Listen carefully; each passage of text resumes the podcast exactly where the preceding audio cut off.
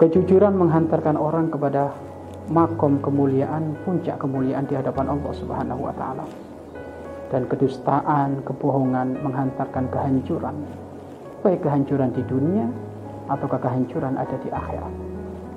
Maka biasakan latih mulai dari hal yang kecil untuk biasakan jujur. Transaksi kita, pergaulan kita, obrolan kita, biasakan adalah menyampaikan hal-hal yang sesuai fakta. Bahkan malapetaka di akhir zaman ini muaranya ya dengan kedustaan-kedustaan